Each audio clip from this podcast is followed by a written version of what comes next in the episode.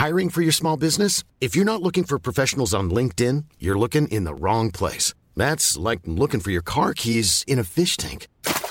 LinkedIn helps you hire professionals you can't find anywhere else, even those who aren't actively searching for a new job but might be open to the perfect role. In a given month, over 70% of LinkedIn users don't even visit other leading job sites. So start looking in the right place. With LinkedIn, you can hire professionals like a professional. Post your free job on linkedin.com slash people today.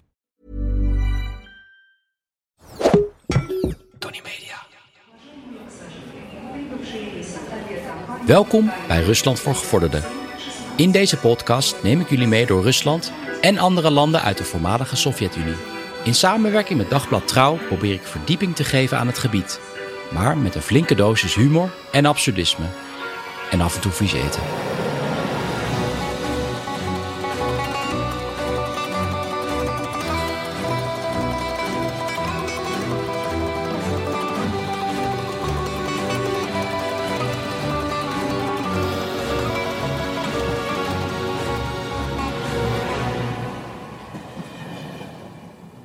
Oké, we beginnen met een van de reizen die ik heb gemaakt met fotograaf Jeroen Torkens. Jeroen was al bezig met een project over het nomadisch leven op het noordelijk halfrond. De echte nomadische manier van leven is in rap tempo aan het verdwijnen en, en hij wilde dat documenteren. Hij had al tochten gemaakt in Mongolië en Marokko en later zouden we ook nog samen op reis gaan naar Alaska. In deze zomerserie zitten drie reizen die ik met Jeroen heb gemaakt naar dus nomadische volkeren in Rusland. Onze eerste reis komt later in de zomer, maar ik wil beginnen met onze reis naar Altai. Prachtig berggebied in het zuiden van Siberië. De uiteindelijke bestemming waren nomaden, helemaal op de grens met Mongolië. Maar ik heb daar ook andere verhalen gemaakt voor Dagblad Trouw. Ik was toen eh, correspondent in Moskou voor ze. Uh, ja, om die reis een beetje weer terug te verdienen. Want dat nomadenproject heeft verder niet zoveel opgeleverd. Onder meer ook een verhaal over ruimteafval. Je moet je voorstellen, die Amerikanen die lanceren die raketten vanaf uh, Cape Canaveral. En uh, ja, het zijn van die drietrapsraketten en die storten dan weer neer op de aarde. En in het geval van de Amerikanen vallen die in zee. De Russen lanceren vanaf Baikonur. In Kazachstan is trouwens wel een Russische basis, een beetje een raar verhaal. Maar uh, in ieder geval, die trappen van die raketten die vallen neer in Siberië. Officieel in een gebied waar niemand woont, dus niemand zou er last van hebben. Maar ik had gehoord dat die brokstukken ook af en toe op dorpen neervallen. En dat wilde ik onderzoeken. Onderweg werd ik trouwens weer volgestopt met vette hapjes. En waarom? Daar wil ik even wat over voorlezen.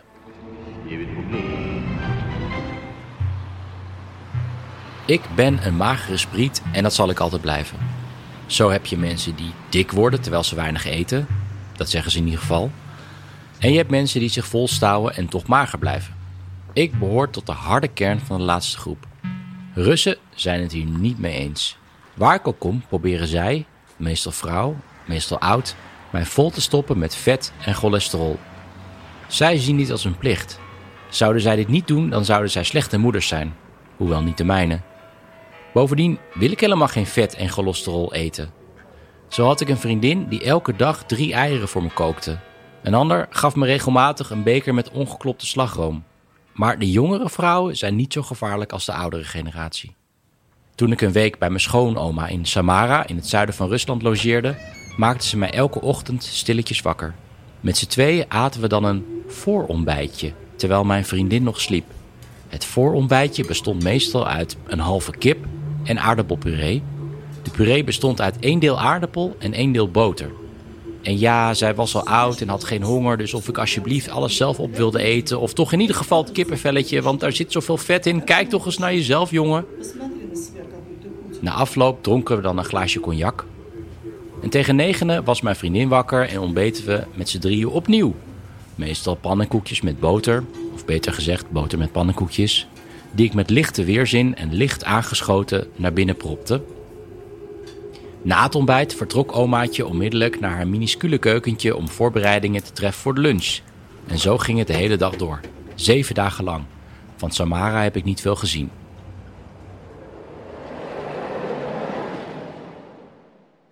Ja, nog iets moois over die oma in Samara. Ik weet niet eens wat haar naam is eigenlijk. Ik noem haar altijd Babulia. Dat is een soort van ja, liefkozende vorm van babushka, wat oma betekent. En uh, Babulia die had in de keuken altijd een één gaspitje permanent aanstaan. Want ja, dat scheelde dan lucifers. Dan hoefden ze geen lucifer aan te doen om het pitje aan te steken. Want de gasprijs voor Russen is dus echt gewoon ja, bijna niks. Dus het kost meer om lucifers te gebruiken dan, uh, dan het gas aan te houden, moet je je voorstellen. En tijdens mijn verblijf bij Babulia was het ook voor de eerste keer dat ik kennis maakte met wat ik noem het fenomeen van de heilige Poetin. Um, als zij mij niet aan het vetmesten was, dan zat ze voor de televisie en altijd te kijken naar het Russische nieuws. En terwijl ze naar het nieuws keek, was ze altijd aan het klagen over corruptie en ja, dat ze zo weinig pensioen kreeg. Maar om een van de reden staat Poetin dan boven alles. Hij is dan niet corrupt. En ja, dat, dat blijkt ook wel uit die beelden die je elke dag in het journaal ziet. Dan zit hij aan een tafel. Vroeger zat hij dus aan een veel kleiner tafeltje dan, dan nu. Maar dan zat hij aan een klein tafeltje met een of andere official. En die ontslaat hij dan, omdat hij corrupt is. En je krijgt dus voortdurend het beeld dat Poetin boven alles staat. En dat leefde dus ook heel erg bij, uh, bij mijn uh, schoonoma. Ze had dus nooit kritiek op Poetin, maar wel op alle andere mensen in de regering. Maar goed, ik ga uh, verder in mijn boek. Ook in mijn reis in Altai lag het vetspook op de loer, want ook de nomadenfamilie waar we logeerden was begaan met de bonenstaak uit het verre Nederland. Dagelijks schotelden ze mij vet in de meest pure vorm voor, de schapenstaart. Het schaap, zo blijkt, weert zich tegen de snijdend koude steppenwinden met een dikke staart die in feite een massieve kwap vet is. Een grote lillende kwap vet die smaakt naar een grote lillende kwap vet. Gelukkig heb ik in de loop der tijd handigheid gekregen in het snel en pijnloos inslikken van vieze hapjes. Dat zou tijdens die reis meerdere malen van pas komen. Sommige restaurants serveerden alleen beschimmeld brood en bier. Soms waren er geen restaurants en moesten we het doen met varken uit blik. Na een culinaire mishandeling die twee weken duurde, keerde ik ziek terug naar Moskou. Een griepje dat overging in tijdelijke blindheid in combinatie met incontinentie, culminerend in een zware longontsteking. Maar het was de reis naar het mysterieuze Altai-gebergte waard. Oké, we gaan terug naar het uh, begin. Ik heb trouwens wel eens, uh, volgens mij eerder in de podcast al genoemd, dat ik op een gegeven moment beland op het vliegveld te laat. Het verkeer stond helemaal vast. En dat ik toen belandde bij een balie voor passagiers die te laat komen. Nou, dat was dus met deze reis. Um, we waren te laat op het vliegveld. Het vliegtuig vertrok, ja, een half uur later. Maar we konden dus bij die balie nog terecht. En als je dan extra betaalt, dan word je door alle ja, beveiliging en al die andere plekken geloodst door een, eh, een heel leger aan mannetjes. Je ruimbagage hoef je ook niet in te checken. Die mag je gewoon meenemen op het vliegtuig. En ik, ja, we gingen daar kamperen in altijd. Dus ik had ook gewoon allemaal zakmessen en weet ik veel wat allemaal in mijn koffer zitten. Maar dat was allemaal verder geen probleem. En toen vlogen we naar Siberië. En ja, pas als je naar Siberië vliegt, dan besef je hoe groot dat Rusland is. Dat je elf uur lang over hetzelfde land kan vliegen en nog ben je dat land niet uit. We kwamen aan in Barnaul in Siberië en daar werden we opgehaald door Sergej. Dus ja, een soort plaatselijke journalist die ons daar zou helpen. En een van de verhalen die we daar gingen maken ging over de oudste vrouw ter wereld die daar zou wonen. Ik lees even voor hoe dat verliep. Er stond een interview gepland met de oudste vrouw van de wereld, maar die was dood. Dat was me even niet verteld van tevoren. Maar de plaatselijke journalist die ons een handje hielp, kende nog wel wat andere hele oude mensen, verzekerde hij mij. Dat is toch wat anders dan de oudste mens ter wereld, maar er was geen weg meer terug. We reden naar een of ander huisje dat dienst deed als bejaardentehuis. De ons beloofde vrouwen waren een jaar of zestig, zelfs voor Russische begrippen niet extreem oud. Evenwel zaten we daar met drie meegebrachte taarten die nog opgegeten moesten worden. Het werd een beetje een onduidelijk gesprek, omdat zowel de vrouwen als ikzelf eigenlijk niet wisten waar deze ontmoeting toe diende. Het is dan ook moeilijk vragen verzinnen in zo'n situatie. Dat bleek uiteindelijk niet zo'n probleem. Een hevig opgemaakte vrouw was naar eigen zeggen wereldberoemde actrice geweest in haar jeugd. Niet gek lang geleden dus. Wat voor vraag ik ook stelde, zij antwoordde namens de hele groep en telkens gaf zij hetzelfde antwoord. Leven, dat is het belangrijkst. De vrouw die naast me zat, zweeg anderhalf uur. Toen we op punt stonden om weg te lopen, barstte ze opeens los. Dat ze 40 jaar in de garderobe van het plaatselijke theater had gewerkt. Dat iedereen in het theater haar nog kent. En dat ze altijd bij elke voorstelling naar binnen kan lopen en in de zaal kan zitten. Toen werd ze ineens heel sipjes en zei: Het is niet leuk om oud te worden. Met deze mededeling in het achterhoofd reden we door naar het huis van een 92-jarige man. Die dus weliswaar oud was, maar opnieuw niet zo oud dat het bijzonder was. Hij declameerde een aantal zelfgeschreven en volstrekt onverstaanbare gedichten. Aan de muur hing een portret van Stalin. Ja, ik heb geen idee of ik hier uiteindelijk nog een artikel van heb weten te bakken. Denk het niet eigenlijk. In ieder geval, we reden verder in ons busje naar het zuiden toe. En langzaam werd het landschap bergachtiger. Het was april, maar ja, het is Siberië, dus op de meeste plekken lag nog sneeuw. En s'avonds belanden we in een tourbaza. Echt een typisch Russisch woord. Ja, het is eigenlijk een soort van centerparks, maar dan Russisch. Uh, de tourbaas, ja, je hebt dus eigenlijk een soort van uh, kleine, kleine huisjes die je kan huren. En die huisjes waren net gebouwd in de hoop dat er toeristen zouden komen. We waren de allereerste die daar uh, overnachten. Stromend water was er nog niet. De wc was ook nog niet aangesloten. En op de plek van het gasfornuis hadden ze een houtvuurtje gemaakt. Dus we konden daar wel koken. Ter compensatie voor alle gebreken liet de eigenaar ons een enorme schedel van een bison zien. Die ja, in zijn optiek alle ongemakken goed zou maken. Ja, ik zei het al, restaurants waren er niet. Dus op dat vuurtje maakten we zelf ja, een soort van simpele pasta met tonijn. En die pasta werd met afschuw opgegeten door Sergej en de, en de chauffeur. Die heet Victor trouwens. Ze wilden helemaal geen tonijn. Ze wilden hompen met vlees. Russen zijn wel echte carnivoren nog. En die nacht hing niets minder dan een muiterij in de lucht. Ik kreeg echt wel een beetje stress of die reis wel goed af ging lopen zonder al dat vlees. Dus ik vroeg Sergej, ja, wat moet ik doen? En hij had het over wat hij noemde tushonka. En tushonka, dat is eigenlijk gewoon ja, een soort van vlees in blik. Een soort van gestoofd vlees en dat wordt dan ingeblikt. Heel veel Russen zijn er dol op. Dus de volgende ochtend ben ik uh, heel vroeg opgestaan en met Sergej naar de supermarkt gegaan. En daar was een heel schap met allemaal verschillende blikken met vlees. En ik zag Sergej ook heel lang kijken naar al die blikken. En uiteindelijk koos hij een blik met een lachend varken erop. Nou, ik heb gewoon al die blikken ingekocht en het hele busje volgegooid. Want later op de reis moesten we wel vaker zelf koken. Het is echt een heel eh, primitief uh, gebied. Er zijn niet veel restaurants. Maar dan zaten Sergej en uh, Victor in ieder geval lekker een blik lachend varken binnen te lepelen. Iedereen blij. En zo konden we weer verder.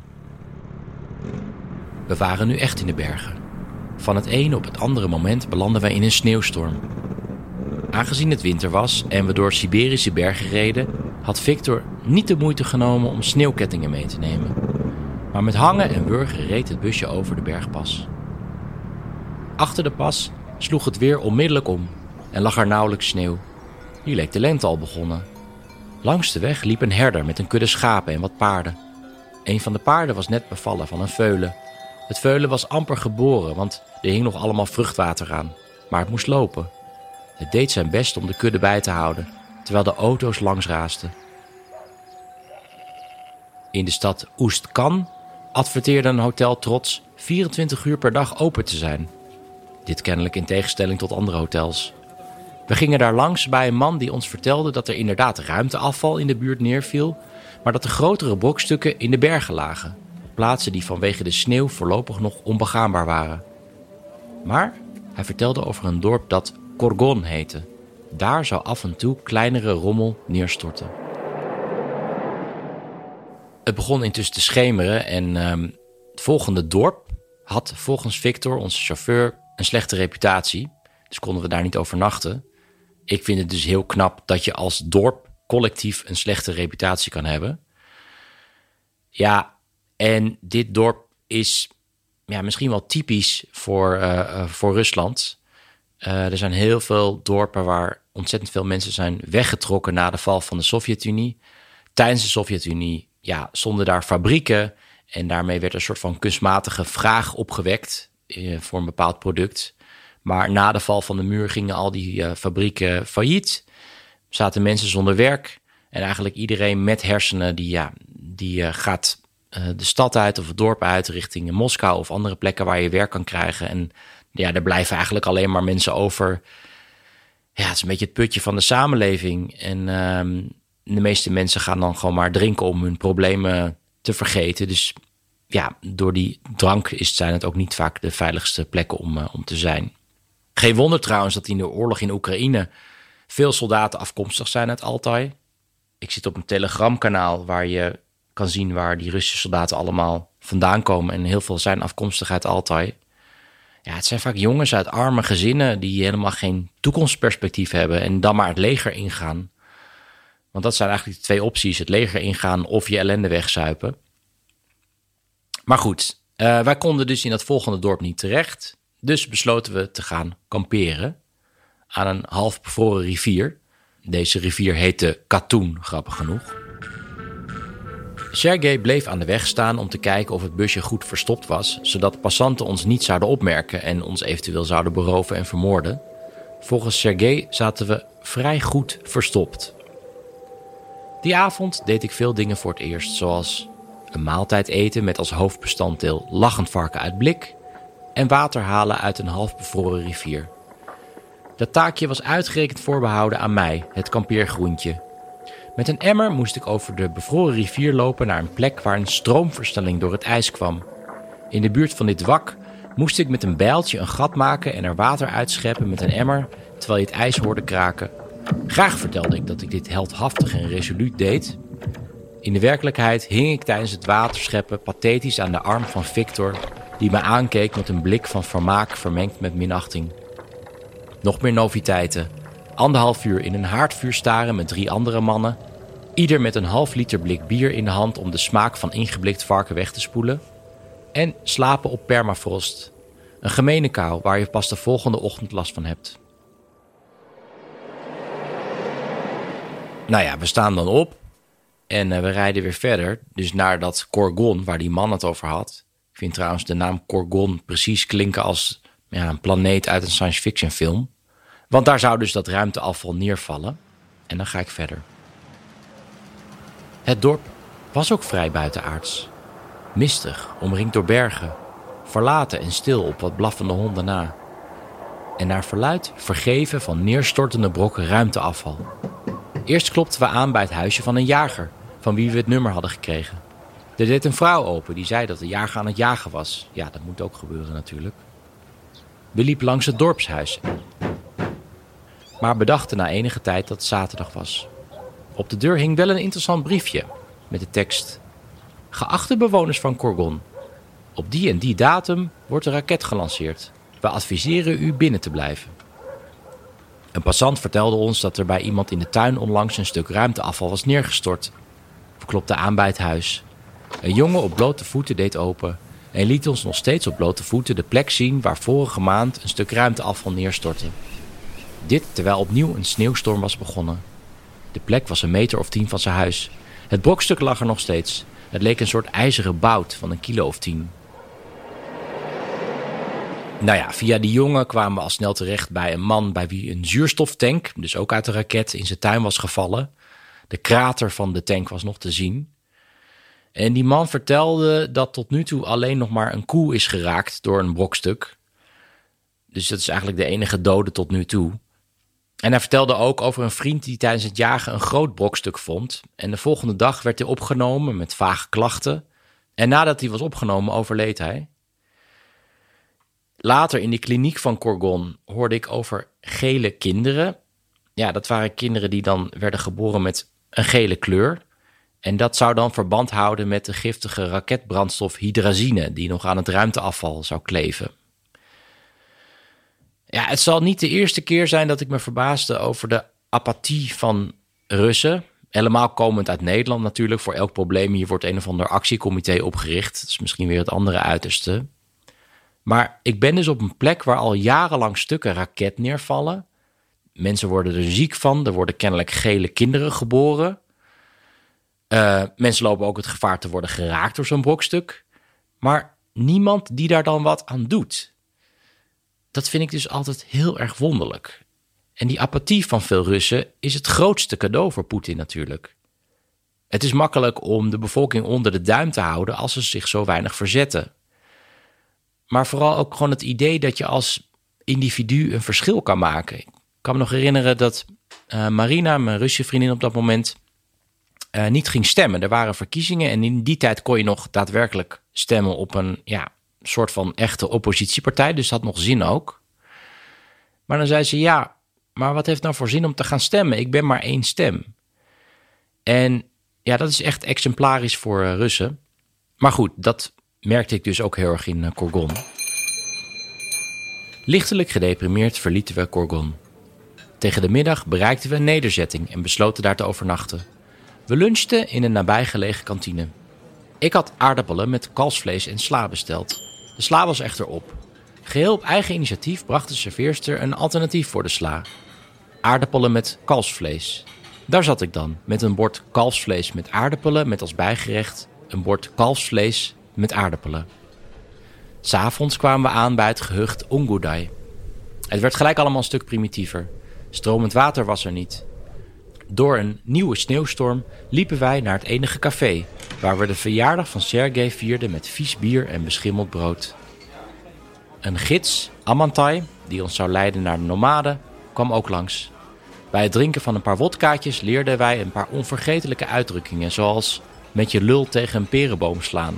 De betekenis ervan ben ik intussen alweer vergeten. Ja, we kwamen terecht op een soort hoogvlakte op de grens met Mongolië en de temperatuur was al gezakt naar min 15. En onderweg kwam ik op een wc terecht, net als veel Russische wc's op een erf, dus ja, buiten, in een soort van houten huisje. En voor Russen is zo'n wc echt het ultieme teken van armoede. Het komt altijd terug bij elke tirade van Russen die ja, het erg vinden dat ze in een land wonen wat in potentie rijk is. Ze hebben olie, gas, mineralen, ze hebben alles. Maar dat nog steeds de meeste mensen op het platteland moeten poepen in een huisje op het erf. Hoe dan ook, ik zat op zo'n wc en ik keek in het gat. Nou ja, dat moet je sowieso nooit doen natuurlijk. En wat ik daar zag, kan ik eigenlijk alleen maar omschrijven als een soort drollentoren van een aantal meter hoog. Elke drol die viel dan omlaag en die voor gelijk aan de rest vast. Moet echt verschrikkelijk zijn als eenmaal de lente aanbreekt en alles begint te dooien. Hoe dan ook, op die hoogvlakte stond een harde en ijzige wind en de weg die hield hier gewoon op. En die gids, Amantai, die wees ons de weg. En het is echt een belevenis om in een auto te zitten waar een nomade de weg wijst. Want hij ziet velden of wegen, terwijl in geen veld of wegen een veld of een weg te bekennen is. Zo kwamen we bij een T-splitsing. En Victor, de chauffeur, die vroeg aan Amantai of hij links of rechts moest gaan. En Amantai die zei dan rechtdoor. Dat vond ik heel grappig. Even later zei hij: uh, Ja, je moet straks de volgende rechts nemen. Maar dat was helemaal onduidelijk, want om ons heen was gewoon een monotoon landschap. Uiteindelijk, midden op de vlakte, stond een klein wit huisje. En daar ontving de man des huizes ons, Serek, en ook zijn vrouw Katja. Katja die schonk jakthee in en gaf ons paardenvlees in uh, gelei. Uh, ja, ik noemde het al eerder dat ik een speciale methode heb om vieze hapjes door te slikken. Ik noem dat uh, hap-slik-methode. Het is echt een kwestie van gewoon niet te veel kauwen, want daar komt veel smaak vrij. En niet door je neus ademen terwijl je slikt. Want dan komt ook heel veel uh, ja, geuren vrij en zo. Dus, um, dus je moet gewoon heel snel doorslikken. En dan vooral daarna zeggen dat je het heel erg lekker vindt. En dan hopen dat je het niet meer nog een keer krijgt. Serik en Katja die vertelden dat ze in de winter hier in dat huisje woonden met hun kinderen. En in de zomer gaan ze dan uh, ja, op reis met de schapenkudde. Dat is eigenlijk wat er is overgebleven van uh, nomadisch leven hier. Het echt volledige nomadisch leven komt niet meer voor in Rusland. En misschien over een generatie is ook deze vorm van nomadisch leven misschien wel verdwenen. Door die koude wind was het duidelijk dat we niet konden kamperen buiten. Maar we mochten daar binnen logeren. En ja, ik vind het altijd heel ingewikkeld dat je bij iemand te gast bent. Uh, vooral mensen die zelf helemaal niet zoveel hebben. En dat hebben we opgelost door een schaap van het gezin te kopen. En twee dagen lang hebben we ook van dat schaap gegeten. Ik dus voornamelijk de schapenstaart. Voor het slachten werden alle andere schapen de steppen opgedreven. En het schaap dat pech had, werd naar een soort plateautje gebracht. En de ouders en de kinderen die knielden dan om ja, een gebed te doen voor het schaap. En daarna sneed Zerk de keel door van het schaap. En ja, dat is eigenlijk veel respectvoller dan ik op andere plekken in Rusland heb gezien of in de voormalige Sovjet-Unie. Zoals ik ooit op een bruiloft in Oekraïne. En uh, zag ik een kip uh, ja, rondlopen, of eigenlijk niet lopen, hij rondhuppen, want hij had maar één poot.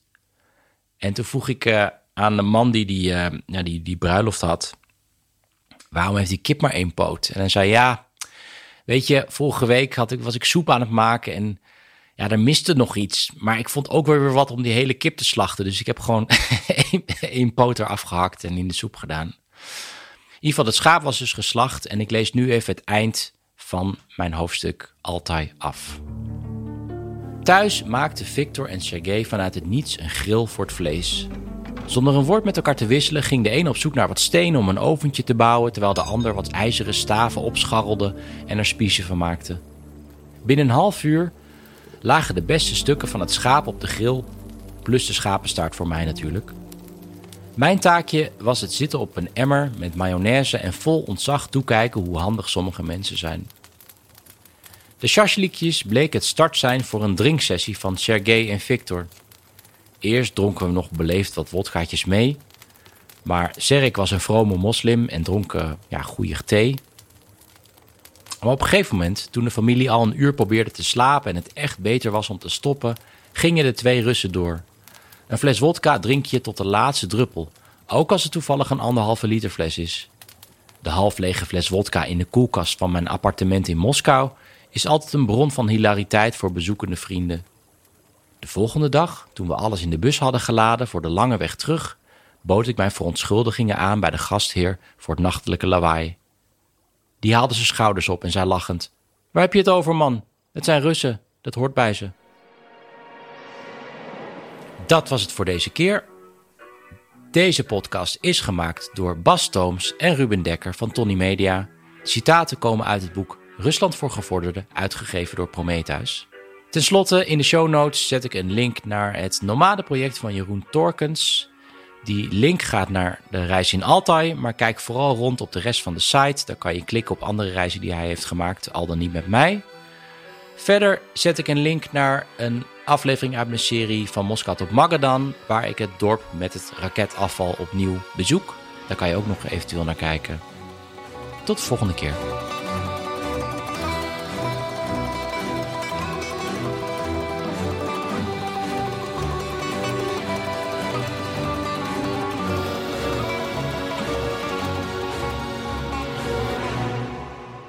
Dit was een productie van Tony Media en Dagblad Trouw.